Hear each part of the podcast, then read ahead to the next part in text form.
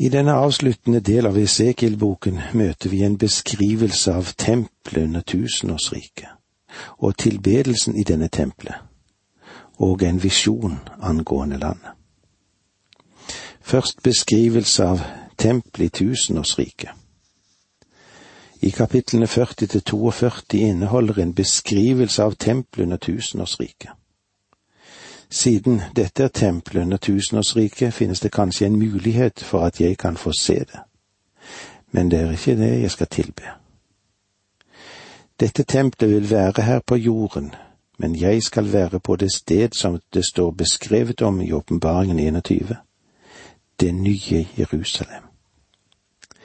Det vil være den troendes adresse i all evighet.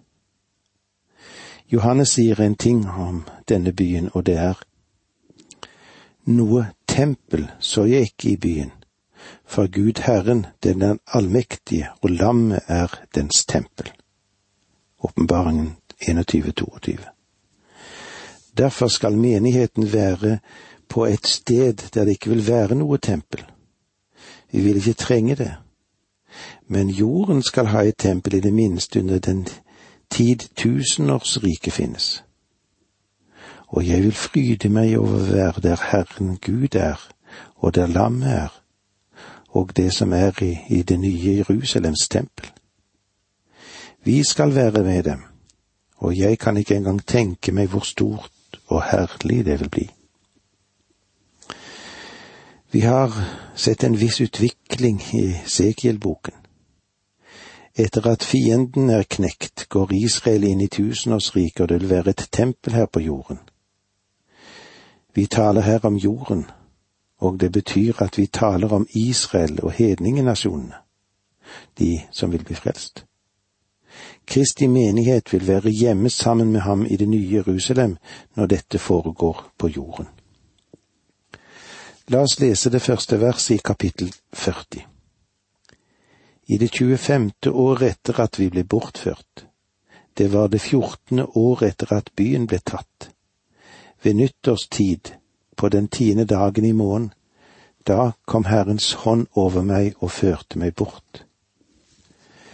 Jerusalem er rødlagt og tempelet brent, men Esekiel ble vist det tempelet som skal oppføres og være i byen under tusenårsriket. La oss se vers to og tre. I syne fra Gud han tok meg med til Israel og satte meg ned på et meget høyt fjell. Der var det i sør like som en bygning i en by. Og dit førte han meg. Se, det var det en mann som var lik bronse å se til. Han sto i porten og hadde en linsnor og en målstang i hånden. Hver gang vi i Skriften møter en mann med en målstav, så er det vanligvis en engel. Og det er en engel her. Og det betyr at Gud gjør seg klar til å handle med sitt folk på jorden igjen. Dette bildet møter du også i de små profetbøkene, og så ser vi det igjen i åpenbaringsboken. Vers fire. Mannen sa til meg, Menneske, bruk øynene og ørene og legg merke til alt det jeg lar deg se. Du er ført hit for at jeg skal vise deg det. Alt det du ser, skal du fortelle til Israels ett. Jeg har en personlig følelse av at Esekiel bokstavelig talt ble ført til Jerusalem og der fikk se et syn av det tempelet som skulle oppføres i fremtiden vers fem. Utenfor tempelet var det en mur på alle kanter. Mannen hadde en målstang i hånden. Den var seks alen lang. Når hver alen er en håndsbredde lengre enn den vanlige. Han målte byggverket, som var en målestang tykk og en målestang høy. Når vi begynner med vers fem og fortsetter gjennom disse kapitlene, så får vi en hel del detaljerte opplysninger angående tempelet som vi ikke vil gå inn på. Vi får et omriss av det, og det vil bli et byggverk med en utrolig skjønnhet. Vi går nå frem til vers 39 i kapittel 40. Og i forhallen sto det to bord på hver side. På dem skulle de slakte brennofferet, syndofferet og skyldofferet. Når vi går videre og ser i versene 39 til 42, ser vi at det mosaiske system vil bli gjenopprettet sammen med den levittiske liturgien og brennofferet, syndofferet og skyldofferet. Vers 41 Til sammen var det fire bord ved hver sidevegg i porten, i alt åtte bord. Der skulle de slakte offerdyr. Ingen ofre vil bli slaktet i tempelet under tusenårsriket. Jeg vil komme mer inn på det når vi kommer til kapittel 45. Vers 44 Utenfor den indre porten, i den indre forgård, var det to rom. Det ene lå ved den sideveggen i nordporten som vender mot sør, det andre ved den sideveggen i østporten som vender mot nord. Prestetjenesten vil være gjenopprettet i tempelet, og de får sin bestemte plassering som foreskrevet er. Vers 47 Mannen målte forgården. Den var firkantet, hundre alen lang og hundre alen bred. Foran tempelet sto alteret. Igjen vendes oppmerksomheten mot det faktum at det skal være en, et offeralter. The Holy Land Hotel i Jerusalem er det en miniatyrmodell av Jerusalem, slik som den var på Herodes og på Jesus sin tid. Det er en ganske stor modell, og så langt som jeg kan erindre det, er det ikke noe offeralter i denne tempelmodellen. Det er utelatt. De ortodokse jødene kjenner seg litt pinlig berørt ved et alter. Og de liberale jødene ønsker å være kvitt hele den ordningen. Men i tempelet som skal oppføres under tusenårsriket, vil det bli et alter. Kapitlene 43 til 46 det vil gi oss en beskrivelse av gudstjenesten i tempelet som er nevnt.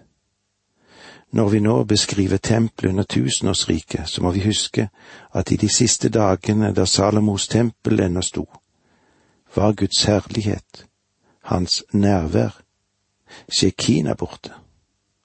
Men her i kapittel 43 vender herligheten tilbake, og når vi møter tilbedelsen i dette tempelet, så vil Han som Israel tilber være til stede i dette tempelet. Og det er ingen andre enn den Herre Jesus Kristus det vers 1 og 2 i kapittel 43. Så førte han meg til porten, den porten som vender mot øst, og se, der kom Israels Guds herlighet fra øst. Lyden av den var som duren av store vannmasser, og jorden lyste av hans herlighet. Hans herlighet kommer fra øst og fyller tempelet. Dette er Kristus som vender tilbake til jorden, og han bringer Shekina. Han bringer herligheten med seg. Da han ble født i Betlehem for over 2000 år siden, så var denne herligheten ikke med ham. I vers fire i kapittel 43, og her, Herrens herlighet dro inn i tempelet gjennom den porten som vender mot øst. Herren vil komme fra soloppgangens side, fra øst. Vi skal se på dette igjen når vi kommer til kapittel 44. De levitprestene som er av Sadoks ett, og som trer frem og gjør tjeneste for meg, skal du gi en ung okse til syndoffer, sier Herren Gud. I denne del kommer vi nå til tilbedelsen og gudstjenesten i tempelet. De ofrene som bæres frem, vil ha en minnefunksjon. De ser tilbake på den gjerning som Kristus har gjort på korset, og ofringen i Det gamle testamentet, de forutsatte hans offer. Og det var så langt vi kom i dag. Takk for nå, må Gud være med deg. Dette undervisningsprogrammet består av to deler. Åge Nevland fortsetter nå med andre del av dagens undervisning. Vi er inne i avslutningen av profeten Esekiel, og vi er nå i kapittel 44, hvor Esekiel forteller oss at Herren vil dra inn i byen gjennom østporten. Vi leser de tre første versene i Esekiel 44. Nå førte mannen meg tilbake til helligdommens ytre port.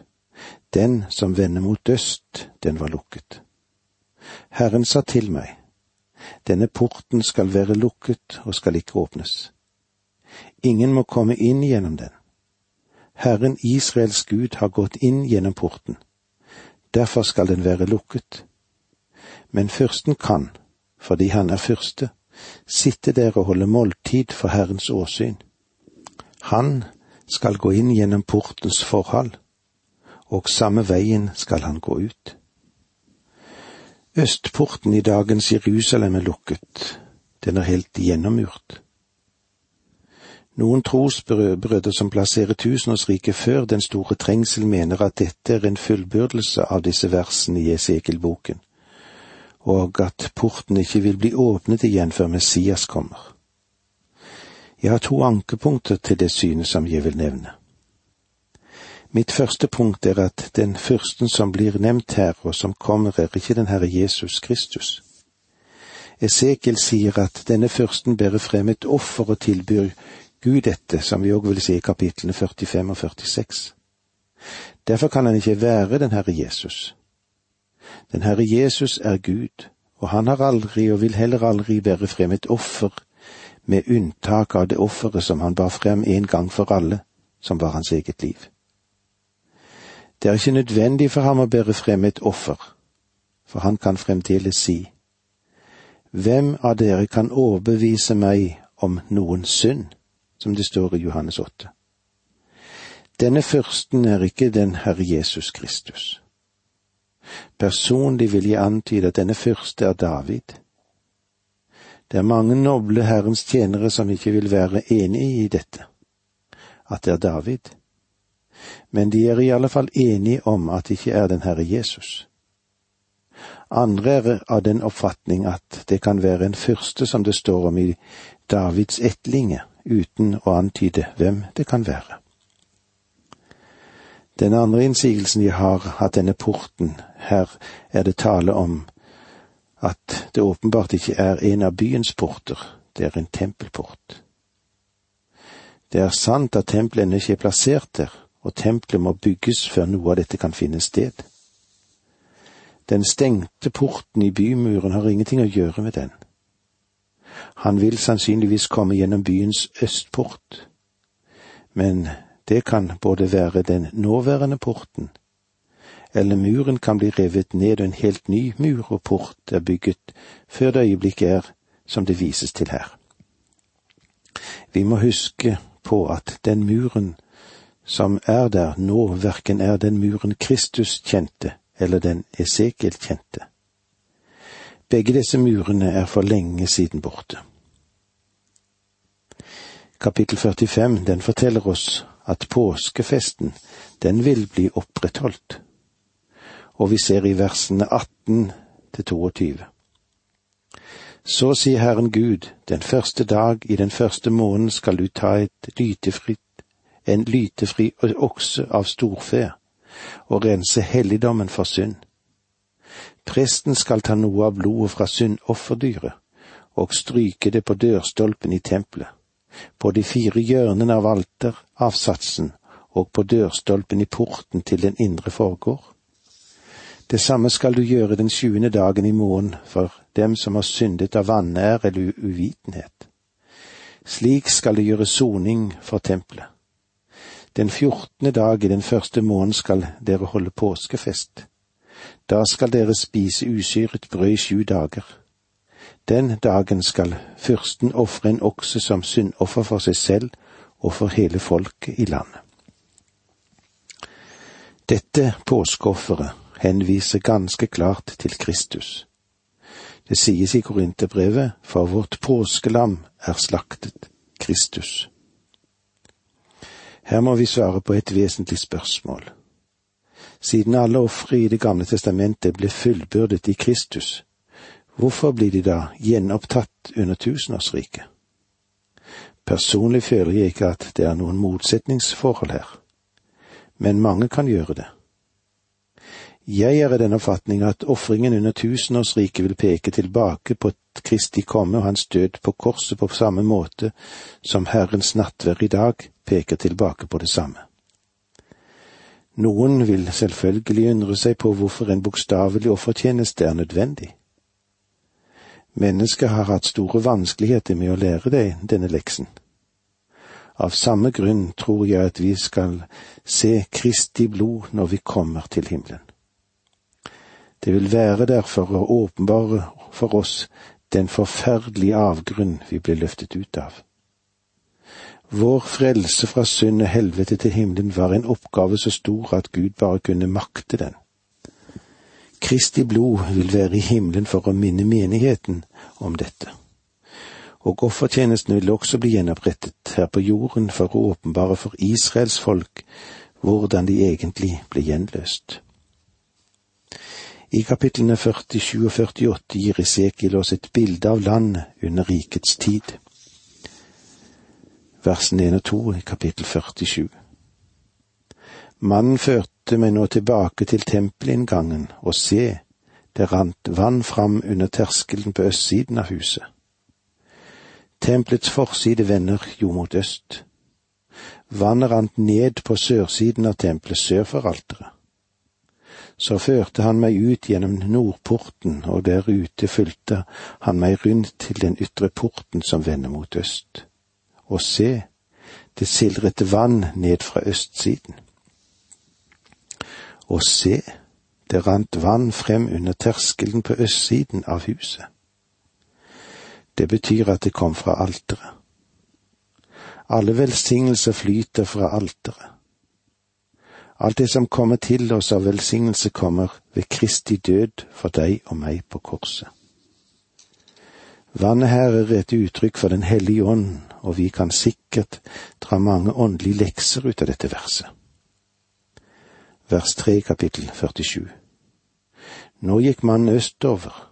Han hadde en målesnor i hånden og målte tusen alen. Så lot han meg gå gjennom vannet, og det nådde meg til anklene. Vannet nådde meg til anklene. Dette taler om den troendes vandring i ånden. Vers fire. Han målte tusen alen til og lot meg gå gjennom vannet der. Det nådde meg til knærne. Enda en gang målte han tusen alen og lot meg få gjennom vann, gå gjennom vannet igjen. Da nådde det meg til hoftene. Vannet nådde meg til knærne. Vi taler om bønn. Vannet nådde meg til hoftene. Vi skal binde opp om våre hofter for å kunne tjene. Den kristnes vandring og tjeneste hviler på den forløsning de har i Kristus. Vers fem. Så målte han tusen alen en gang til. Da var det en elv som jeg ikke kunne vade over for vannet hadde steget og blitt til en elv som ingen kan komme over uten å svømme. Vann å svømme i er bildet på åndens fylde.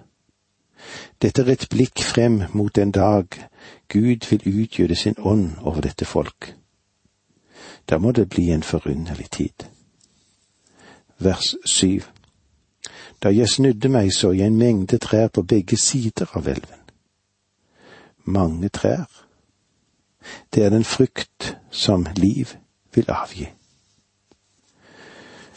Har jeg gitt dere en liten tilpassing av dette avsnittet som vi også kan anvende på vårt eget liv. Men tolkningen for israelsfolket er at det vil stige opp en evig vannkilde som kommer fra alteret på den dag, og det vil bringe velsignelse over landet. De trenger sannelig vann i dette landet òg i dag. Kapittel 48 gir oss en oversikt over delingen av landet blant de tolv stammer. Av særlig interesse for oss er det som angår Dans stamme. Vi leser vers 1 og 2. Dette er navnene på stammene, lengst i nord, langs veien til Hetlon, til Lebo Hamat og Hazar Enon, ved grensen mot Damaskus i nord og langs med Hamat fra øst til vest skal Dan ha en lodd, langs Dans land fra øst til vest skal Asjer ha en lodd. Asjers stamme vil være på plass i tusenårsriket selv om det ikke blir nevnt blant dem som blir beseglet i den store trengsel. Mennesket fra Dans stamme tjener ikke under den store trengselen, men ved Guds nåde blir de ført inn i tusenårsriket. Vi blir også frelst av nåde, men henter vår lønn gjennom fortjeneste. Esekiel-boken blir avsluttet med et bilde av byen. Tempelet under tusenårsriket og landet under dette rikets tid, der all forbannelse er borte. Det er et mektig og vidunderlig bilde vi har her. Vi leser vers 35. Byens omkrets skal være 18 000 alen. Heretter skal den ha navnet Herren er der. Profeten Esekiel avslutter med denne trompetfanfare, der han gjennom synen nå er ført fra et folk under den dypeste forbannelse, der Guds herlighet viker fra folk og frem til det øyeblikk, da herligheten igjen skal vende tilbake, og det skal sies, ikke bare at Herrens herlighet er nær, men at Herren er der. Takk for nå må Gud være med deg.